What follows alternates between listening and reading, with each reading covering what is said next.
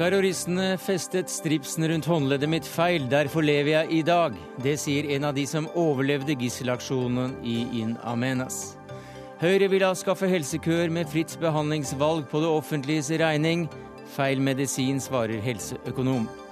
1,2 milliarder feirer den nye paven. Han jobbet for tett med militærdiktaturet i Argentina, sier kritikerne. Jusprofessor Eivind Smith advarer mot nye grunnlovsforslag mener de folkevalgte ikke aner rekkevidden av det som er foreslått. Og norske forskere er så venstrevridde at det er viktigere å få inn flere Frp-ere ved universitetene enn å øke kvinneandelen, mener professor.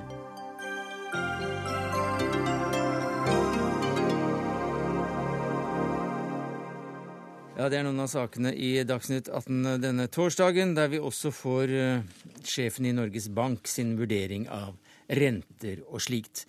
Men først til terroraksjonen i In Amenas i januar, der fem nordmenn ble drept. Flere klarte å komme seg unna i live. Disse har ikke sagt noe etter at de kom hjem før i dag. Og først nå etter klokka 18 så kan vi sende et utdrag av hva de fortalte NRK. Bjarne Våge forsto ikke at de var under angrep før fire terrorister sto på kontoret hans. Han ble bakbundet med strips men terroristene festet stripsen feil vei.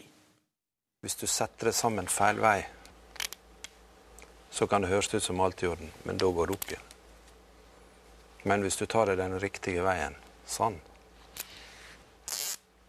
da går det aldri opp igjen. Har du tenkt mye på det? Veldig.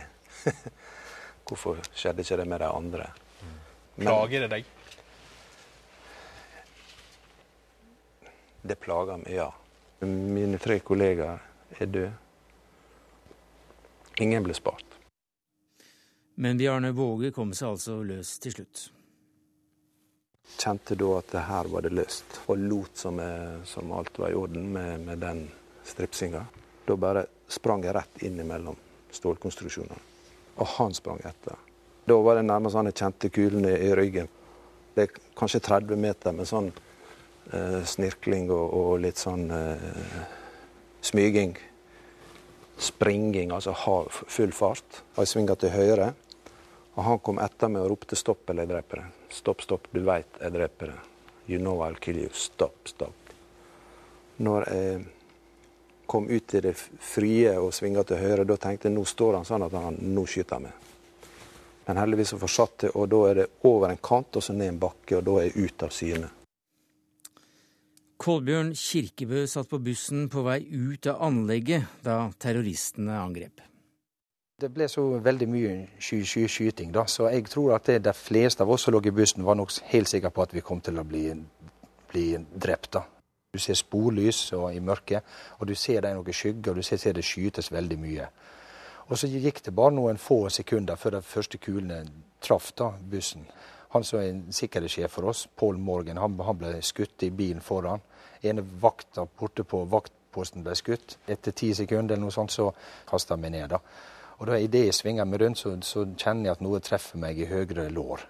Og Det blir liksom nummen og litt varm. og... Noen av dere har blitt skutt, og en er sikker på at en skal dø. Hva stemning er det i bussen? Hvordan oppfører folk seg?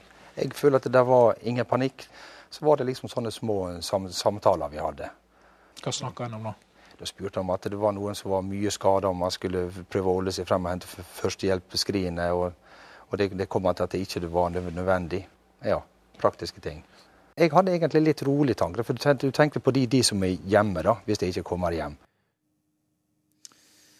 Ture Ingebrigtsen var i kontoravdelingen på basen onsdag 16.1, da han forstår at basen var tatt. Han barrikaderer seg på et kontor med fem andre, fortalte han NRKs mann Oddgeir Øystese. Og inn kommer to terrorister, eh, skrikende, hylende, sparkende, skytende. De får jo da selvfølgelig øye på våre to eh, kollegaer som ligger her, og eh, spør de ut. Hvor de som hjalp dere. Og uh, han Angelita han sier han, han vet ikke. Han vet ikke hvor vi ble av, selv om han så at vi gikk inn den døren. Og vi hører de skyter opp døren på vårt nabokontor. Og så kommer de til vårt. Og uh, hører vi uh, tramp, bom, bom, bom, bom, bom, og så et stort brak der de sparker mot døren. Så da har de tatt løpefart fra motsatt side og uh, prøver å bryte seg inn. Før de gikk, da, så hører vi to enkeltskudd fra automatvåpen. Det vil si dobbeltskudd. Puff, puff, puff. Uh, og så blir det stille. De ser aldri at de to skadde kollegaene. Da bestemmer vi oss for at her, vi skal ikke bli liggende her og vente til de kommer igjen i morgen tidlig. I ly av natta sniker de seg over gjerdet og ut i ørkenen. De har for lite vann, og landskapet er vanskelig. Etter 15 timers vandring blir en utmatta Ture Ingebrigtsen berga, og kan ta telefonsamtalen hjem til kona i Bergen. Akkurat idet jeg ringer hjem, til, så ringer det også på døren utenfor. Og um, tilfeldigvis der står politiet for å komme og varsle henne om at jeg er i sikkerhet. Nei, det var et stort øyeblikk. Marianne Bang-Hansen, du er eh, psykolog. Du er forsker ved Nasjonalt kunnskapssenter for, eh, eller om vold og traumatisk stress. Hva sier du til dette? Ja, dette er jo ekstreme hendelser. Eh, ekstreme erfaringer. Som eh, de færreste av oss noensinne gjør oss. Eh, jeg vil også eh, anta at dette har gjort dypt inntrykk på de som har, har vært med på dette her. Vi hører her at de som overlevde terroraksjonen, har opplevd tøffe situasjoner. Hvordan, hvordan bearbeider mennesker, mennesker, dette her? Når man tenker på bearbeiding, så, så, er det rett å tenke terapi og behandling. Jeg har lyst til å knytte det opp mot det som finnes i alle liv. Altså, det er viktig etter å ha opplevd noe sånt at man holder fast på, på det gode. Altså, dette for dem som overlevde denne situasjonen så gikk det bra. Utfallet var bra. Og så har de selvfølgelig de har mistet kolleger, de har opplevd ekstreme ting. Men i bearbeidingen i forhold til deres egen historie i etterkant eh, blir det viktig å holde fast ved det gode utfallet for dem selv. Eh, og i tillegg så er det det å leve så normalt som mulig, holde fast ved de trygge punktene i tilværelsen. Eh, det er ikke alle som klarer det, eh, av helt åpenbare grunner. Det, de, mange kan slite med gjenopplevelser av, eh, av, det som skjedde i lang tid etterpå. Det kan komme både når man er våken og, og i drømmer. Sterke gjenopplevelser hvor både lyd og luktinntrykk og altså alle sanseinntrykk er helt livaktige. Og det kan være ekstremt vanskelig å håndtere. Men fortsatt så, så er det å Eh, prøve å finne eh, helheten i det man har opplevd. Helheten i historien. Ofte kommer disse eh, gjenopplevelsene som fragmenter, som stykker og biter. Sånn at det å starte å nøste og lage en hel historie om det man har opplevd, vil være én måte da, å håndtere det på. Men vi hørte her altså Bjarne Våge fortelle om at terroristen hadde festet stripsen feil vei. Mm. Og da, da, sklir den jo bare ut mm. istedenfor at den setter seg fast i denne låse, mm. låsemekanismen. Så tilfeldig. Mm. Så tilfeldig. Hva gjør det at det er så tilfeldig hvem som overlever og ikke overlever, med de som da gjør det? Mm. I sånne, altså sånne hendelser som dette er jo ofte preget av tilfeldigheter. Man kan ofte ikke øh, Eh, knytte utfall til personlige egenskaper. Det er litt å være på feil sted til feil tid, eller, eller å ha flaks, da, som, som, jeg vil anta at han tenker at han også har hatt. Ekstremt flaks. Uh, og hva det gjør han, han, sa jo selv at han har tenkt mye på det. Hvorfor, hvorfor var det jeg som opplevde dette? Hvorfor, hvorfor, var det ikke noen av kollegene mine? Hvorfor ble jeg på en måte spart, og ikke de andre? For noen så kan jo det bety at man kan få dårlig samvittighet eller skyldfølelse for å ha overlevd. Uh, som, vi, som, vi, kjenner igjen fra historien etter 22. juli. Ikke sant. Uh, for denne mannen sin del så betød det jo en mulighet til å gjøre noe med situasjonen. Han, han kunne påvirke utfallet ved å stikke av. Og, og det er klart at uh, i, i, en sånn ekstrem situasjon så er det forferdelig vanskelig å tenke klart, og tenke logisk, og tenke um, når lønner det seg å, å rømme, da. Uh, det, så det kan man jo også si er flaks. Det er flaks at det var en kant der, det er flaks at, han, at det var en bakke, at han kom ut av syne. Samtidig så, så gjorde han det. Han, han, var i stand til å påvirke situasjonen sin. Og det, Nå kan ikke jeg snakke eller uttale meg om han, men, men sånn generelt så, så, vet vi jo det at det å være i stand til å påvirke situasjonen eh, i en sånn ekstrem situasjon eh, kan være en, en god en mm. buffer da, seinere, når, når man skal komme seg gjennom dette her. Vet vi noe om ca. hvor lang tid det tar før man klarer å bearbeide, eller om ikke glemme, så i hvert fall håndtere det på en måte som ikke preger en, en, en hverdag eller gjør noe spesielt med livet? Det er vanskelig å, å si et eksakt antall måneder, for det. der er folk veldig forskjellige. Eh, folk reagerer forskjellig på ekstreme hendelser, akkurat som vi reagerer forskjellig på mer hverdagslige eller mer og mindre stressende, vanskelige hendelser. Eh, så, så det vil nok være ganske individuelt. Eh, det er ikke nødvendigvis sånn at alle som har opplevd noe uh, grusomt og ekstremt, får reaksjoner. Uh, mange vil nok oppleve at i, i, tiden etterpå så er det en fase hvor man gjenopplever det. Uh, for noen vil det kunne bli veldig plagsomt. Ehm, hvis man hvis dette vedvarer over tid, altså da, da, tenker jeg over flere måneder og kanskje opp mot et år etterpå, så, så begynner man å komme inn i et, mm. Eh, et mønster hvor, man, hvor, man kanskje, hvor, ting begynner å feste seg eller sette seg litt mer fast. Da, og man kan snakke om at man kanskje har fått mer sånn eh, posttraumatiske stressymptomer. Men, men, det er ikke gitt at man får det. Eh, det er ikke sånn at alle får det. Og Det tok altså en viss tid før vi fikk eh, de overlevendes historier etter at de kom hjem til Norge. Først nå etter klokken 18 så er disse intervjuene frigitt. Takk skal du ha, Marianne Bang-Hansen, psykolog og forsker ved Nasjonalt kompetansesenter om vold og traumatisk stress. Hør Dagsnytt 18 når du vil, på nettradio eller som podkast. nrk.no – dagsnytt 18.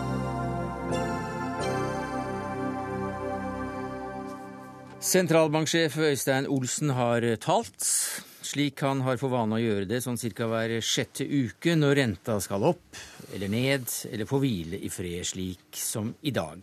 Styringsrenta holdes på 1,5% og der har den jammen ligget i ganske nøyaktig ett år. Rekordlavt. Hvorfor det, Olsen? Ja, takk for invitasjonen. Det er hyggelig å komme hit eh, enda en gang for å fortelle at vi ikke har gjort noen endring. som du antyder. Eh, men bakgrunnen for den beslutningen det er at på den ene siden så har det vært eh, hendelser siden sist som, eh, har trukket, som trekker i retning av isolert sett av enda lavere rente. Jeg nevner lavere vekst internasjonalt, litt lavere vekst hjemme også, og ikke minst lavere pristall her hjemme. Så har vi avveid dette mot det forhold at det er fortsatt god vekst i norsk økonomi. Eh, og det er mer enn god vekst i boligprisene, som vokser sterkt fortsatt. Og husholdningenes gjeld fortsetter å bygge seg opp. Renten er allerede lav, og kort fortalt så, så eh, trenger ikke norsk økonomi enda lavere rente. Nei, for uh, det er da ikke så vanlig at, å holde en så lav rente når landet, tross alt, økonomien går så godt. Dette er et paradoks? Ja, det er et paradoks også for eh, økonomer, det. Og det er en avveining som det er opp til, som det er vårt lodd og det er vår oppgave å foreta. Hva er det du avveier?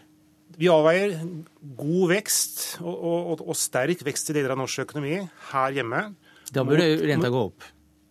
Det tilsier isolert sett at renten skulle vært høyere hvis vi hadde vært en øde øy. Mm. Så det, må vi avveie det mot at eh, vi er en åpen økonomi, og det er veldig dårlige konjunkturer og lav vekst ute, og veldig lave renter ute. Så kortversjonen er at renten i Norge er lav fordi prisstigningen i Norge er lav, og vi har et prismål, og fordi rentene lave er nær null og er signalisert å bli holdt lave lenge.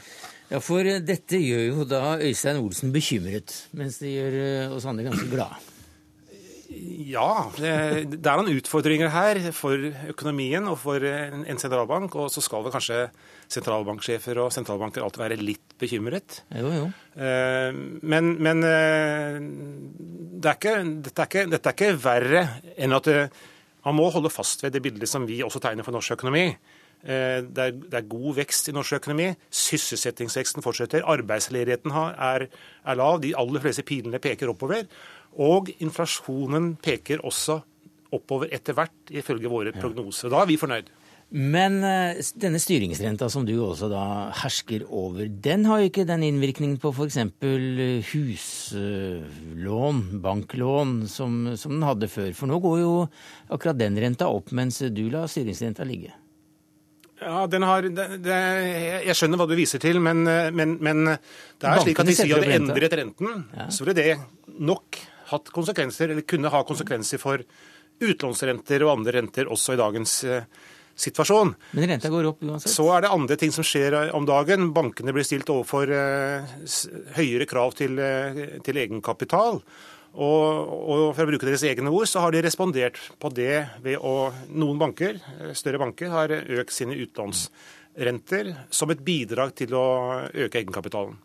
Men i motsetning til uh, visse andre land i uh, en union i nærheten ja, ja. Av, av, oss, så har vi også noenlunde kontroll på hvor høy rente og lav rente vi skal ha. Uh, hva er det du egentlig vil styre med, med en rentepolitikk? Hva er det du kan styre med en rentepolitikk? Hvilke mål har den, bortsett fra høy og lav rente? Det er for, eh, vårt hovedmål, vårt operative mål for eh, rentesettingen, er å sørge for eh, lav og stabil inflasjon over tid. Eh, så er det også en del av vårt mandat, og det tar vi alvorlig, at eh, vi på veien mot det prismålet, så skal vi også hensynta andre forhold i økonomien. Hensyn til stabilitet i produksjon og sysselsetting. Og vi vektlegger også å motvirke at eh, finansielle ubalanser, eller faren for at finansielle ubalanser kan bygger seg opp for sterkt, som kan utløse i neste omgang et tilbakeslag i norsk økonomi økonomi. Men Kronekurs. det er begrenset hvor mange oppgaver, mange mål man kan laste inn mot pengepolitikken. Ja. Vi, har bare, vi har i hovedsak ett virkemiddel, og vårt hovedmål over tid er å sørge for å bevare pengeverdien. Kronekursen?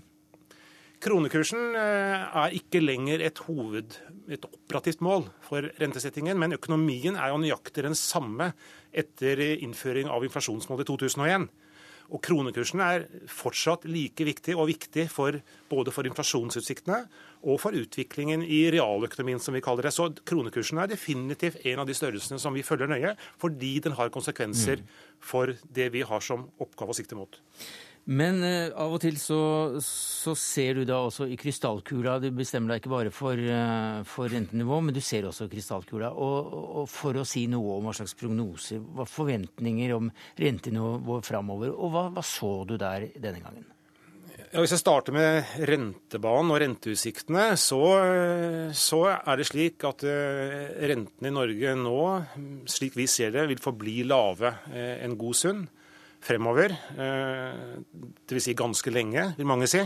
Eh, på den måten at det første renteøkning, i henhold til den prognosen vi nå legger frem, slik vi nå ser det, eh, kommer først våren 2014. Før rentene Så nok et år, altså?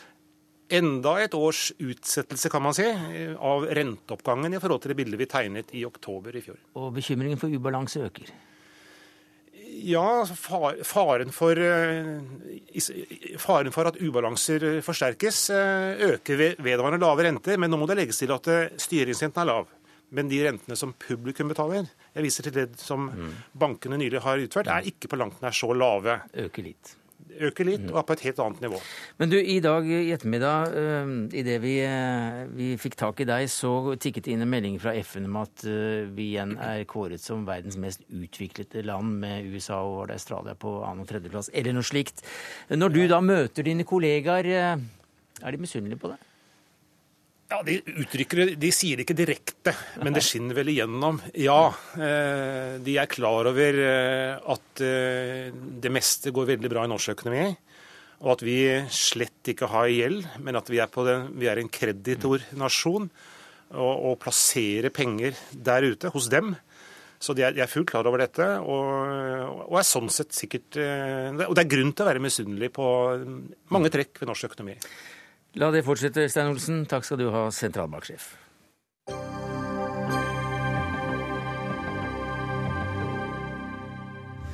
Høyre lover å kutte helsekøene ved å innføre fritt behandlingsvalg. Høyre vil altså programfeste at eh, folk skal kunne benytte seg av private helsetilbud på det offentliges regning, det være seg utredning, diagnostisering og behandling. Men den medisinen har du liten tro på, professor i helseøkonomi Ivar Sønbø Kristiansen. Hvorfor det? Fordi at vi har nullpriser, eller nesten nullpriser, i norsk helsevesen, og det ønsker vi at vi skal ha. Og vi har et kvalitetstilbud til befolkningen, og da blir det overskudd av etterspørsel og køer. Og slik har det vært eh, i de siste 30 år. Eh, og det er vanskelig å se at det kommer til å bli noen endring om man øker noe på tilbud og antall behandlede pasienter. Ja, Det må du nesten forklare. I, på midten av 90-tallet så hadde vi en høyreregjering, og Helø lovet at han skulle avskaffe køene. På den tiden så hadde man 50 eh, 000 i kø, og det anså man som en uh, alvorlig feil ved helsevesenet. I dag er det 250 000. Bare de siste ti år så har vi økt uh, behandlingskapasiteten med 15% på innlagte pasienter i sykehus, og poliklinikk er økt med 65% Så det er mer enn en million flere pasienter som får behandling i dag enn for ti år siden. Men Betyr ikke det at eh, å, å, å frie dette her til også å kunne gi det private initiativet rundt omkring i helseforetak eh, bedre muligheter, så vil du minske køene? Ja, mitt poeng er ikke om det er privat eller offentlig, men når vi har et godt tilbud, og det har vi både på privat og offentlig sektor, så er det så mange tilbud der ute og så mange pasienter som ønsker seg tilbud, så vi vil aldri klare å dekke det tilbudet, med mindre vi setter inn mye høyere egenandeler enn noen politikere vil være villig til. Hva sier du til det, Bent Høie? Du er leder av Høyres programkomité og også leder av helse- og omsorgskomiteen på Stortinget. Nei, jeg er, ikke, jeg er, ikke, villig til å gi opp uh, muligheten for å gi mennesker som har uh, behov for rask helsehjelp, uh, å, få det. Fordi det som vi ser, det er at det er riktignok en del av de som står i kø i dag som ikke har noe problem med å vente, men det er altfor mange av de som står i køen i dag, som har fått beskjed av fastlegen at det er mistanke om kreft. Da vet vi alle at det er, da er både den det rammer og familien i en unntakstilstand. Men du vil jo ikke få ned køene?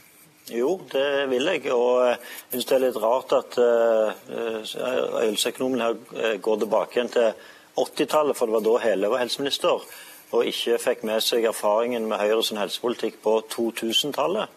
Uh, da klarte vi å redusere helsekøene med over 70 000 pasienter. Vi reduserte ventetiden fra 231 dager i gjennomsnitt til 80 dager. Når en ser på hovedforklaringen til det, så var det en økt bruk av den ledige kapasiteten som var hos private. Og det andre som oppnådde gjennom vårt system, det var jo òg å redusere kostnadene ved behandlingen gjennom at de private ble billigere gjennom dette systemet. Eh, jeg er enig med Høie i at det er noen pasienter som venter for lenge, og det er et eh, problem. Og kreftpasienter er eh, et av eksemplene, så der er jeg helt enig. Men en allmenn økning av kapasiteten vil neppe komme de pasientene spesielt eh, til gode. Og dette er ikke noe innlegg mot uh, Høyre eller borgerlige partier. Uh, Hernes hadde jo samme problemet. Han valgte en annen medisin, nemlig innsatsstyrt finansiering, og klarte heller ikke å løse problemene. Så noen varig løsning på problemet eh, har jeg vanskelig for å se. Dessuten er det jo internasjonal forskning som viser at når man øker tilbudet, korter ned køene, så er det flere pasienter som strømmer til. Så at man skulle få en varig nedgang i køene, eh, er det lite forskningsmessig belegg for. Altså, jeg, jeg, mener at vi beviste at det var mulig på 2000-tallet. og Det vi også ser av rapporter etterpå, er at når den rød-grønne regjeringen stramma inn bruken av private etter 2005, så økte køene eh, igjen. Eh, det som òg eh, er viktig å tenke på, det er at eh, alle, de som, eh, mangler, alle de som står i kø i det norske helsevesenet, de har gått igjennom en vurdering av det offentlige, enten sin fastlege eller fått henvisninger vurdert hos en spesialist. Så her er det ikke pasienten sjøl som bestemmer eh, eget forbruk. En har en eh, portvaktfunksjon gjennom det offentlige helsevesenet. Men når en først har fått rett til behandling, da mener Høyre at det er ingenting som samfunnet sparer på å la folk vente et halvt år, eh, tre måneder på noe de allerede har utløst en rett til. Så kan vi gjerne diskutere om Det må vi nesten få ja. Kristiansens eh, kommentar til. Jeg har lyst til å spørre hvor eh, mye må kapasiteten økes før du tror vi har eh, redusert køene til et akseptabelt nivå? Det, det tror jeg at det beste vurderingen av kommer til å skje når vi får innført dette og ser hva som òg er akseptabelt. For noen av de som står i kø i dag, de vil si at eh, jeg venter gjerne i to måneder hvis jeg får, må det for å komme inn på mitt lokale offentlige sykehus. Jo, men Spørsmålet var altså hvor stor kapasitetsøkningen du ser for deg før, eh, før det begynner å monne? Og hva det vil koste? Nei, det, det, som, det, som, det vil koste, det vil vi selvfølgelig utrede i de årene vi innfører dette i budsjettet. Men tror eh, du at eh, samfunnet sparer penger på å la folk stå i kø? Og er kø egentlig et eh, godt prioriteringsvirkemiddel?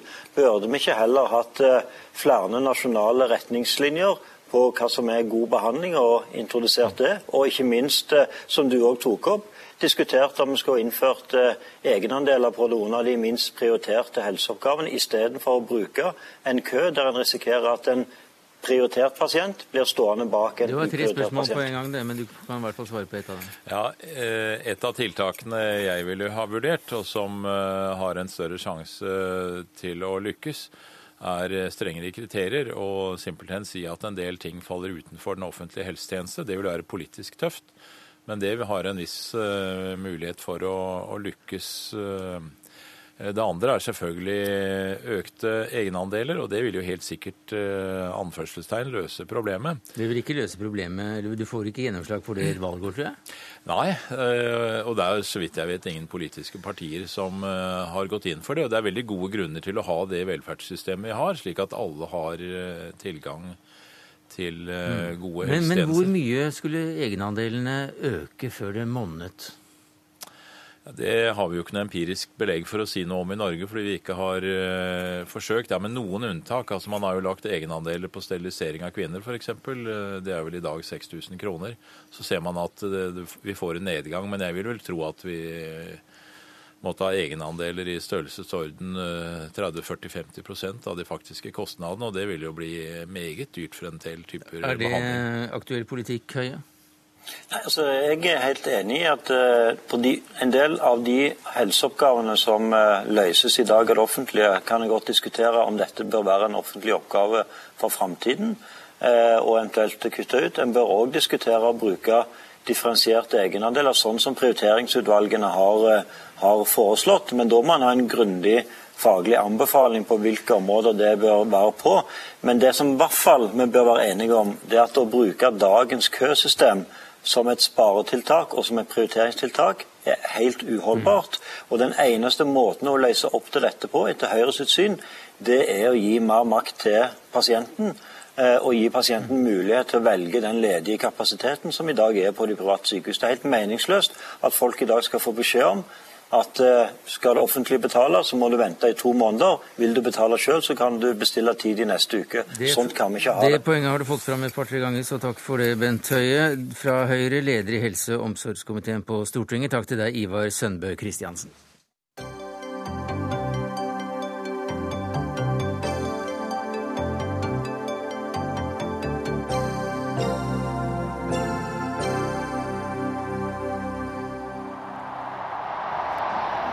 Fratelli e sorelle, buonasera. Hvit røyk, en times venting, så buena sera. God kveld. De første ordene verden fikk høre fra pave Frans. 1,2 milliarder mennesker hadde fått sin første latinamerikanske pave. Og Mirko Stopar, du er argentiner. Du har bodd i Norge de siste tolv årene, men nå er du tilbake igjen i Buenos Aires. Hvordan var stemningen i byen da det ble kjent at den nye paven var fra Argentina? Og det er, eh, det er full fest her nede. Eh, både folk og media snakker bare om dette. Og jeg tipper at det er eh, en god unnskyldning for å vise frem den berømte argentinske ego. At alle snakker om oss.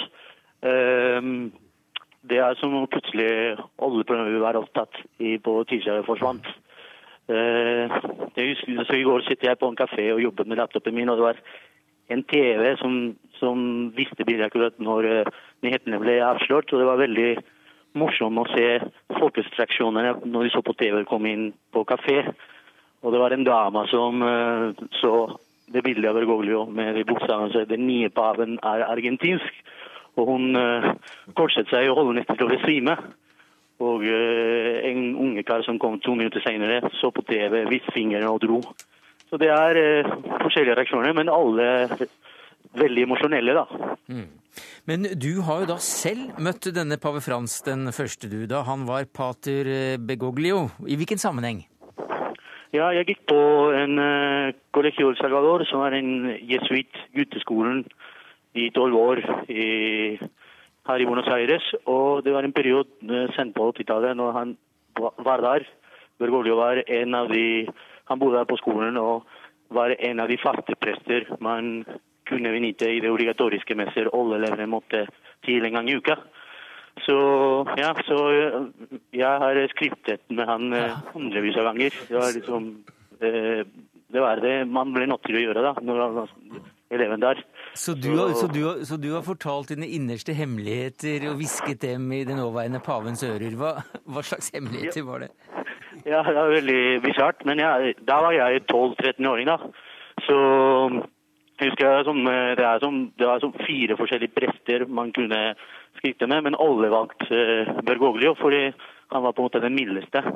Mens alle de andre prester pleier å gi deg preken og gi deg straffe. og Du måtte be så mange Fader vår. Men hos Bergoglio han bare hørte på deg. Og når du var ferdig, han klappet deg på kinnet og sa 'gå i fred, gutten din'. Så vi, måtte, vi kunne gå og spille fotball og fortsette å synde med en god samvittighet. Hva slags synder var det du fortalte ham? Ja, ja, som, eh, nei, er som veldig naiv, eh, naive sinner. Man, man, var veldig strategisk for å uh, ordne alle disse sinner. Det var noe som var ikke så alvorlig på starten, og de som var mest alvorlige midt i. Slik at man håpet at uh, de kunne hoppe og ikke reagere så mye på det. Men det var uh, ting som var ja, at jeg røykte ut, og mamma og pappa visste om det, f.eks. Ja. Og siden har ikke han han har ikke røpet det til noen, og nå har han også tatt med seg disse hemmelighetene dine inn i eh, Vatikanet. Var han eh, ellers godt likt?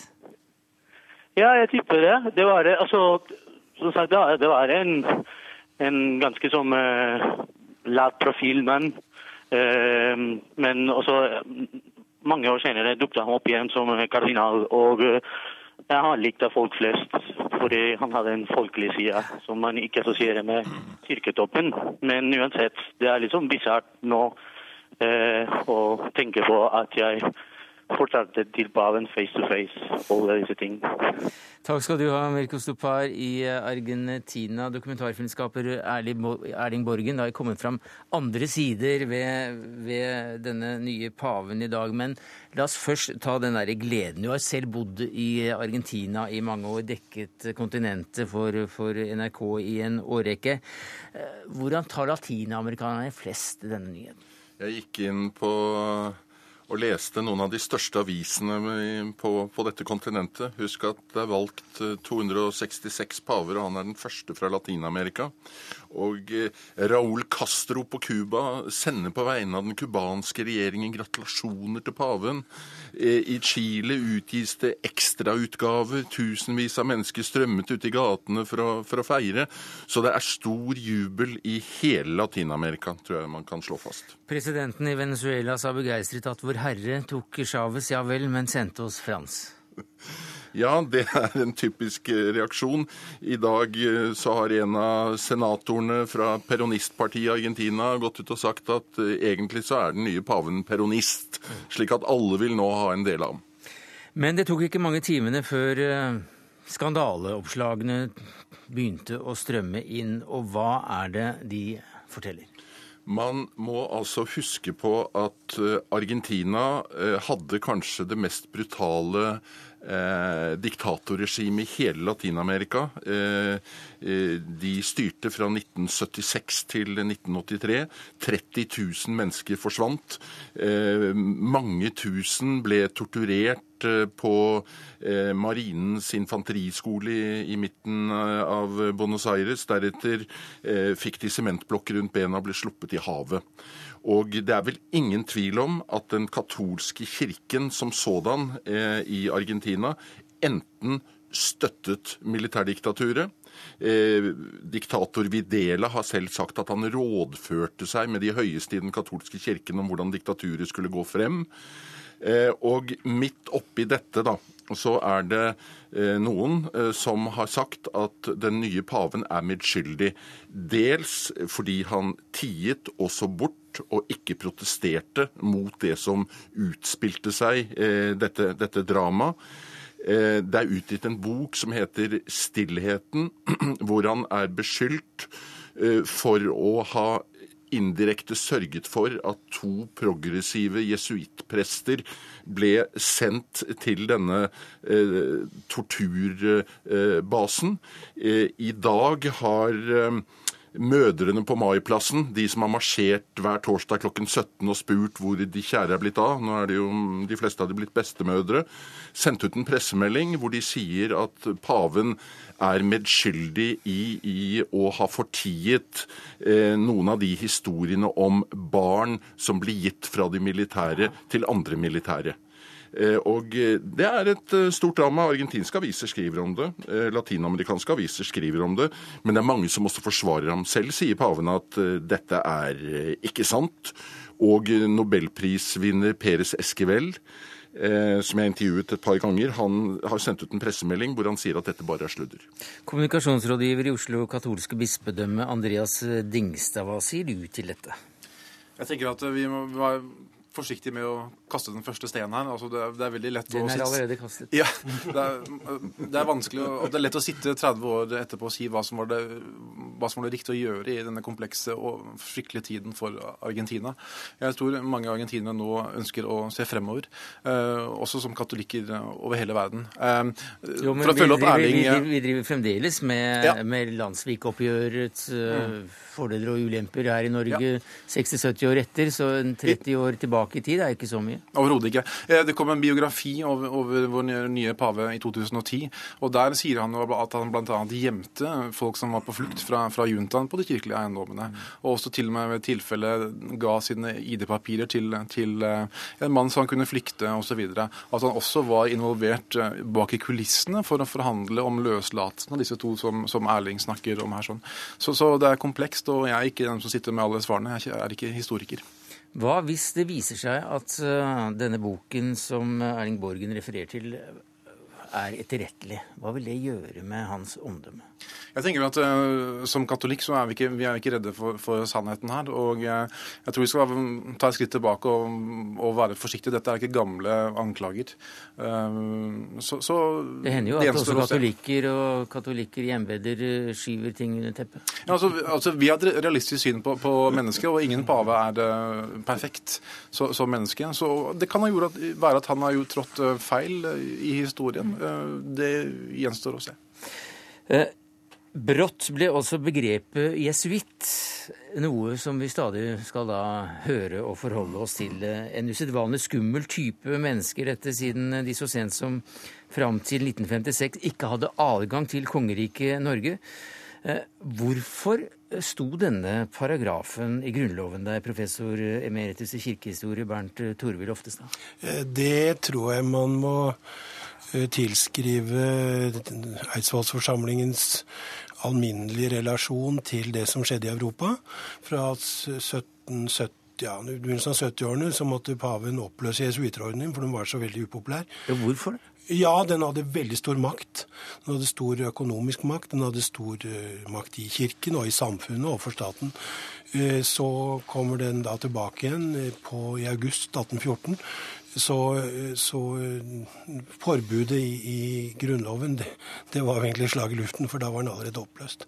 Men poenget med et slikt forbud var jo den allmenne, alminnelige kan vi si, antikatolisisme som, som kom fra dansk, dansketiden. Det var jo et luthersk, evangelisk-luthersk rike man hadde, og det ville man verne. Og så varer denne antikatolisismen og antijesuitismen den varer jo helt opp til 56. Det er forskjellige begrunnelser for at den, forts at den fortsetter. En av begrunnelsene er den nasjonale enhet. Det er ganske viktig i Norge på slutten av 1800-tallet. 1897 var saken oppe, 1925 var den oppe. Og også i debatten i 56 så var dette med nasjonale enhet viktig. Hva var det de var redde for? De var redde for de var redde for den katolske kirke, og jesuittene ble jo regnet som pavens absolutt fremste kavaleri i kampen mot uh, protestantisme uh, osv. Men var de spesielt smarte, intelligente, skolerte, eller var de, var de folk. Det var fremragende folk. Det er jo den absolutt kanskje den viktigste ordenen i nytiden. De var utdannet langt bedre enn vanlige prester og andre ordensfolk. Og det er de fortsatt. Og de var dyktige diplomater, de var dyktige, dyktige mennesker på alle vis. Og de fikk stor oppslutning på 1800-tallet og i nyere tid også, men de har gått noe mer tilbake. Det som er interessant i dag, det var jo at uh, jesuitterordenen var helt opp til vår tid. Vi kan godt si til annet Vatikanum eller i mellomkrigstiden, så var den jo pavens orden. Ja. Du var nært knyttet til paven. Paven hadde myndighet over den. Og, og fremmet pavemaktens posisjon uh, gjennom, gjennom, mange, mange år. Da, men så skjer det da en utvikling i teologien innenfor jesuittiske miljøer som leder til en, katol, en katol, utvikling av katolsk teologi som er mer radikal, mer liberal. Og den kommer frem under annet Vatikanum. Uh, og den spiller en ganske stor rolle i Syd-Amerika, fordi mm. der uh, var det jesuittiske teologer som inspirerte til, til denne uh, frigjøringsteologien og basisteologien. Ja, det kan jeg bekrefte. Jeg holder en god del foredrag, og blant de vanlige spørsmålene jeg får når jeg snakker om Latin-Amerika, er hvordan er den katolske kirken i Latin-Amerika? Og Da pleier jeg å si at man må vurdere nesten hver kirke for seg. Eh, den argentinske katolske kirken forsvarte og støttet militærdiktaturet. Eh, nabolandet Chile eh, så sto den chilenske katolske kirken som en bastion opp mot uh, Pinochet uh, og forsvarte uh, de forfulgte menneskerettighetsaktivistene. I El Salvador var jo den berømte jesuittbiskopen Oscar Romero. han sto på de fattiges side, og han måtte bøte med livet sitt da han ble myrdet under en gudstjeneste i 1980. Og jeg har møtt jesuittprester i Guatemala, i Nicaragua, og det er noen av de flotte eh, eh, prestene du kan tenke deg. Men midt i dette, og det er de, de anklagene som nå har vært rettet mot den nye paven, da, så har han valgt en annen strategi. Han har vært taus. Han har ikke sagt noe. Han har sett bort, påstår folk. Jeg er ingen dommer, jeg skal ikke dømme. Samtidig har han et veldig rykte på seg i Argentina for å være nettopp de fattiges forsvarer. Han har reist eh, på, på eh, T-banen ut til forstaden i Buenos Aires og besøkt uh, fattighjem og kirkelige, kirkelige, ulike tiltak. Så dette kommer han til å ta videre, ta videre med i sin, sitt arbeid som pave også. Og klart at Dette er en enorm boost for latinamerikansk katolisisme. 40 av verdens katolikker bor faktisk der. Og to tredjedeler av verdens katolikker lever i det, det globale sør. Det må vi også huske på her. sånn. Og Det sies jo at han i disse møtene før konklave som kom sammen nå, var den som snakket kortest, men han snakket sterkest. For Han snakket om at Kirken skal, skal gjenspeile Kristi nåde overfor mennesket. Han han var enkel og tar det hele back to basic. Jeg tror at uh, når det gjelder uh, jesuittenes forhold til frigjørings, frigjøringsteologien i det hele tatt, så var jo det veldig kompliserende for Vatikanet at den samtidig som den var engasjert i kampen for uh, menneskerettigheter eller kampen for de fattige nedenfra, så hadde den også en teologi og en lære om Kristus, om kirken, som avvek veldig sterkt fra den vanlige katolske teologi. Og det som skjedde da med jesuitterordenen, for å avslutte det, det var at pavene i løpet av altså de to siste pavene de Eh, de brakte jesuitterordenen tilbake igjen under den, den vanlige eh, altså den, den, pavelige politikk. Slik at i dag har de, eh, har de en sterk lojalitet til pavestolen. Så den jesuittiske paven, det vil jeg si, eh, fører videre kampen over de fattige, for det var alle enige om mm. etter krigen etter andre Vatikanum. Men teologisk sett så er han helt på linje med de to siste pavene. Han hadde jo aldri blitt valgt ellers. Takk skal du ha, Bernt Torvild Oftestad, professor emeritus i kirkehistorie. Andreas Dingstad, kommunikasjonsrådgiver i Oslo katolske bispedømme. Erling Borgen, dokumentarfilmskaper.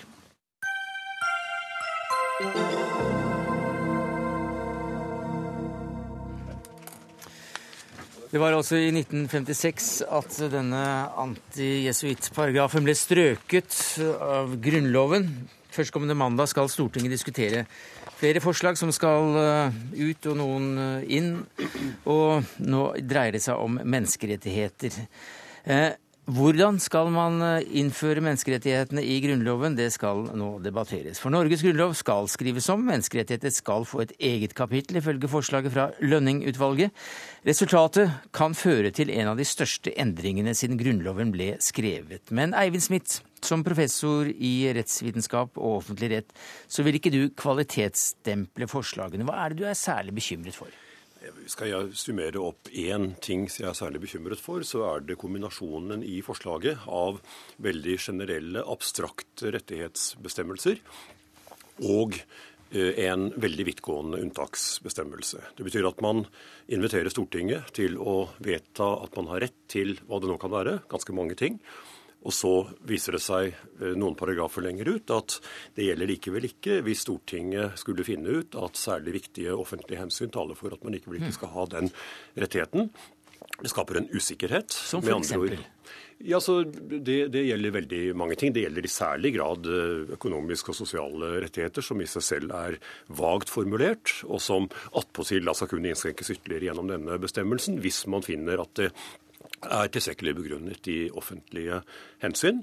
Og det er jo i norsk tenkning veldig ofte sånn at eh, vi velger et storting. Man tenker slik at man velger et storting for å ta standpunkt til den typen klart politiske spørsmål. Men hvis man overlater dette til Stortinget, så blir det ikke mye rettigheter hvis Stortinget mener at det ikke skal gjelde. Og hvis man overlater det til domstolen å ta standpunkt til den typen vage kriterier, så gir man kanskje domstolen en politisk rolle som det slett ikke er sikkert at de bør ha. Sier du dette, Inge Lønning fra Høyre, du ledet altså utvalget? Ja, nei, Jeg deler jo ikke bekymringen, selvfølgelig. Og jeg har vel inntrykk av at det er ikke særlig mange av eh, Eivind Smiths kolleger i det juridiske fagmiljøet som gjør det heller. Ehm, de abstrakte formuleringene har jo Stortinget skrevet inn i Grunnloven allerede. I hele serien av paragrafer i 110, altså 110a, som dreier seg om myndighetenes plikt til å legge til rette for at alle skal få arbeid. 110 b, retten til et sunt livsmiljø. 110 c, eh, et pålegg om å respektere menneskerettighetene i bestemt form flertall, uten noen spesifikasjon. Så den er vag fra før? Ja, og til alt overmål så skrev jo Stortinget i mai i fjor, 2012, inn en ny paragraf 2, som sier at hele Grunnlovens formål er å sikre demokratiet, rettsstaten og menneskerettighetene. Det vil si Stortinget har løftet menneskerettighetsbegrepet så høyt opp i Grunnloven som det er mulig. Og hvis Stortinget mener alvor med det, så må det jo også fremkomme av resten av Grunnloven at det er alvorlig ment, mm. og at man ønsker å grunnlovfeste menneskerettigheter. Smith. Ja, Til dette er for det første å si at jeg tror ikke man skal begynne å telle opp hvilke kolleger som mener hva. Vi forholder oss til argumentene. Og der er det jo det problem med denne typen debatter at vi er alle for menneskerettigheter, og da er det ikke lett å få diskusjoner i gang om på hvilken måte man best skal verne dem. Grunnlov, vage, presise, konvensjon, vanlig lov. Det er lett å glemme f.eks. at det viktigste instrument for å verne rettigheter i Norge er lovgivningen. Det er det, det, som for oss er viktig i hverdagen. Det er ikke Europakonvensjonen eller Grunnloven eller noe når det gjelder våre rettigheter. For det andre så er det nokså påfallende at de bestemmelsene som riktignok står i Grunnloven, som Lønning nevner, er bestemmelser av en utpreget programmatisk karakter, som ikke gir rettigheter, eller i hvert fall praktisk talt ikke gir rettigheter, men sier presis det samme, nemlig at det påligger statens myndigheter å gjøre et eller annet som vi alle er for. Så det er forferdelig dårlige eksempler, og en ganske adekvat diskusjon handler rett og slett om hvorvidt det er en linje vi bør føre videre. Og jeg er ikke alene om å mene at det syns jeg ikke vi skal gjøre, for da bryter vi Grunnloven ned som det viktige politiske retteskap den kan være for å verne rettigheter på en skikkelig måte. Det mitt poeng er jo egentlig at Eivind Smith er for sent ute. For hvis den kritikken hans som han retter mot våre forslag er treffende, så treffer det jo dagens grunnlov midtskips. Så da må han jo egentlig gå inn for å rulle tilbake eh, den utviklingen som Stortinget allerede har initiert gjennom sine grunnlovsendringer i, ja, er det, er det riktig? Nei, det er fullstendig feil. Det er helt, helt meningsløst. Altså, det er en, ingen så generelle, så abstrakte rettighetsbestemmelser i dagens grunnlov. Det er program erklæringer. Og For øvrig er det jo også å si at det er jo ikke lønning som skal avgjøre dette, heldigvis. Og det vet han jo meget vel selv. Eh, dette er ting som Stortinget skal diskutere om et år eller to. Og Derfor er det veldig viktig at vi nå får debatten før det er for sent, for å si det på denne måten. Jo, men Det er jo vanskelig å gjøre det mer generelt og abstrakt enn det den nye paragraf 2 gjør, som bruker begrepet demokrati ett i bestemt form, rettsstaten i bestemt form og menneskerettigheter ned i bestemt form uten nærmere spesifikasjon. Og Mitt poeng er at hvis Stortinget har ment alvor med å vedta den formålsparagrafen for Grunnloven, så må leserne også kunne gjenfinne det i grunnlovsteksten senere. Og når Det gjelder... Jeg tror ikke det er ganske logisk. Nei, det er fullstendig ulogisk. For det første så er det jo slik at demokratiet, rettsstaten og menneskerettigheten er ekstremt vage begreper. De er så vage at de betyr, at de betyr nesten ingenting. Eh, det er det første. Eh, så, så Unnskyld. Um, uh, og, det andre er at uh, dette her, denne klausulen, helt vage, nokså ubestemte klausulen om menneskerettighetene, behøver jo ikke følges opp i Grunnloven selv. Det viktigste instrument for å verne rettigheter i Norge er Stortinget mm. selv, som lovgiver. Men Vi, vi nærmer oss slutten, men jeg vil gjerne ta et skritt tilbake og høre hva slags konkrete uh, innstramminger i formuleringene ville du helst ha sett? Ja, jeg ønsker at man skal følge det som Lønning-utvalget hadde som en del av sitt mandat, nemlig norsk grunnlovstradisjon, som handler om å ha et mer redusert antall bestemmelser, som er mye mer presise, og som naturligvis må underkastes tolkning, men som er slett ikke har behov for den typen retten, retten til liv? Eh, ja, Det er et godt eksempel. Altså, eh, men Det er en del av forslaget. Det står ikke der i dag. Eh, forbud mot dødsstraff, absolutt. Det er en del av forslagene. og Det er jeg veldig, veldig, og det står heller ikke i dag. og Det er på høy tid at vi får inn det. og Det er flere ting vi bør få inn, etter mitt syn også. Og det trenger vi ikke noen unntaksbestemmelse. Retten til liv, hvis man grunnlovfester det, så har vi fort gående en debatt om hva med abort, hva med fosterets rett til liv, hva med vår grunnlovfestede riv til livsforlengende uh, kreftmedisiner for, for, en million i mm. året. Det vil da vi risikerer veldig sterkt at det blir debatter om grunnlovsbestemmelser, og det bør det ikke bli. Dette syns jeg ble veldig abstrakt. Uh, altså den setningen Det var det mest konkrete vi fikk til i dag. Ja, men den setningen er jo for det første begrunnelsen for forbudet mot dødsstraff, og det mm. andre som står i den paragrafen. Tar man begrunnelsen bort, så blir det hengende i løse luften. Og for det annet er dette del av norsk rett for lenge siden. Det står i Den europeiske menneskerettighetskonvensjon, som har forrang fremfor norsk lov. Og Det samme gjelder også alle de økonomiske sosiale rettighetene. De er del av norsk rett allerede, med forrang fremfor norsk lov. Takk skal du ha, Inge Rønning, Høyre-politiker, leder av Grunnlovsutvalget. Eivind Smith, jusprofessor.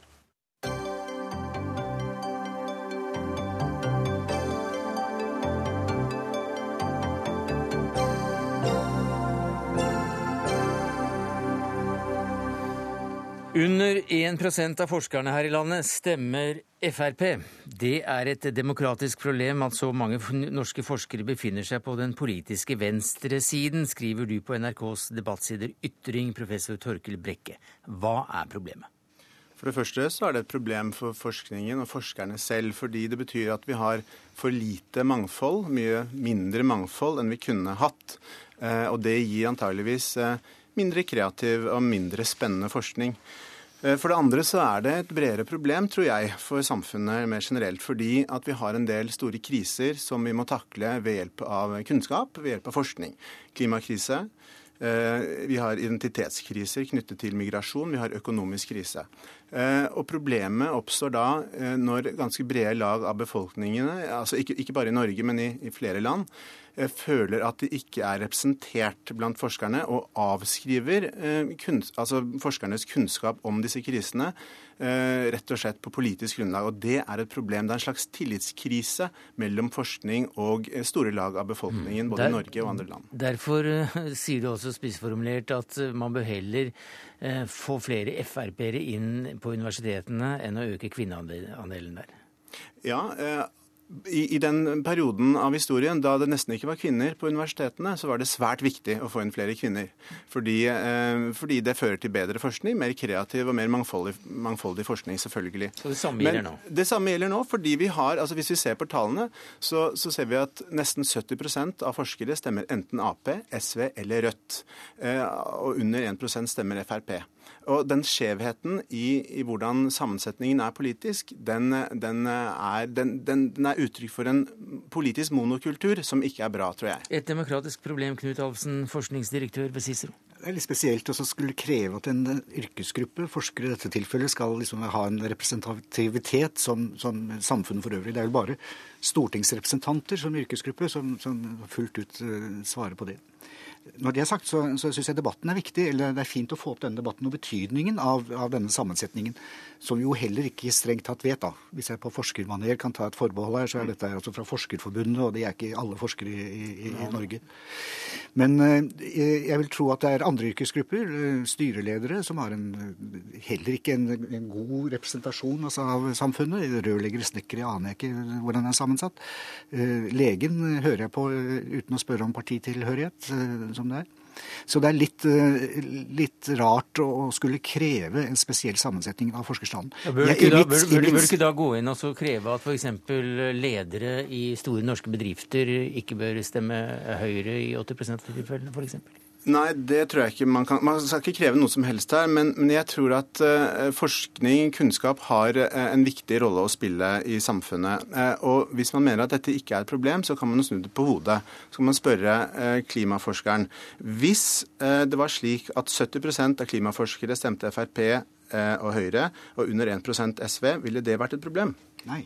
Nei etter mitt syn. Jeg tror mange ville vært uenig med deg om det. Ja, det, det er mulig. Men eh, altså, jeg er jo i, i, Vi har en ganske heftig klimadebatt, ikke sant? og der, der jeg er i debatt ofte om det.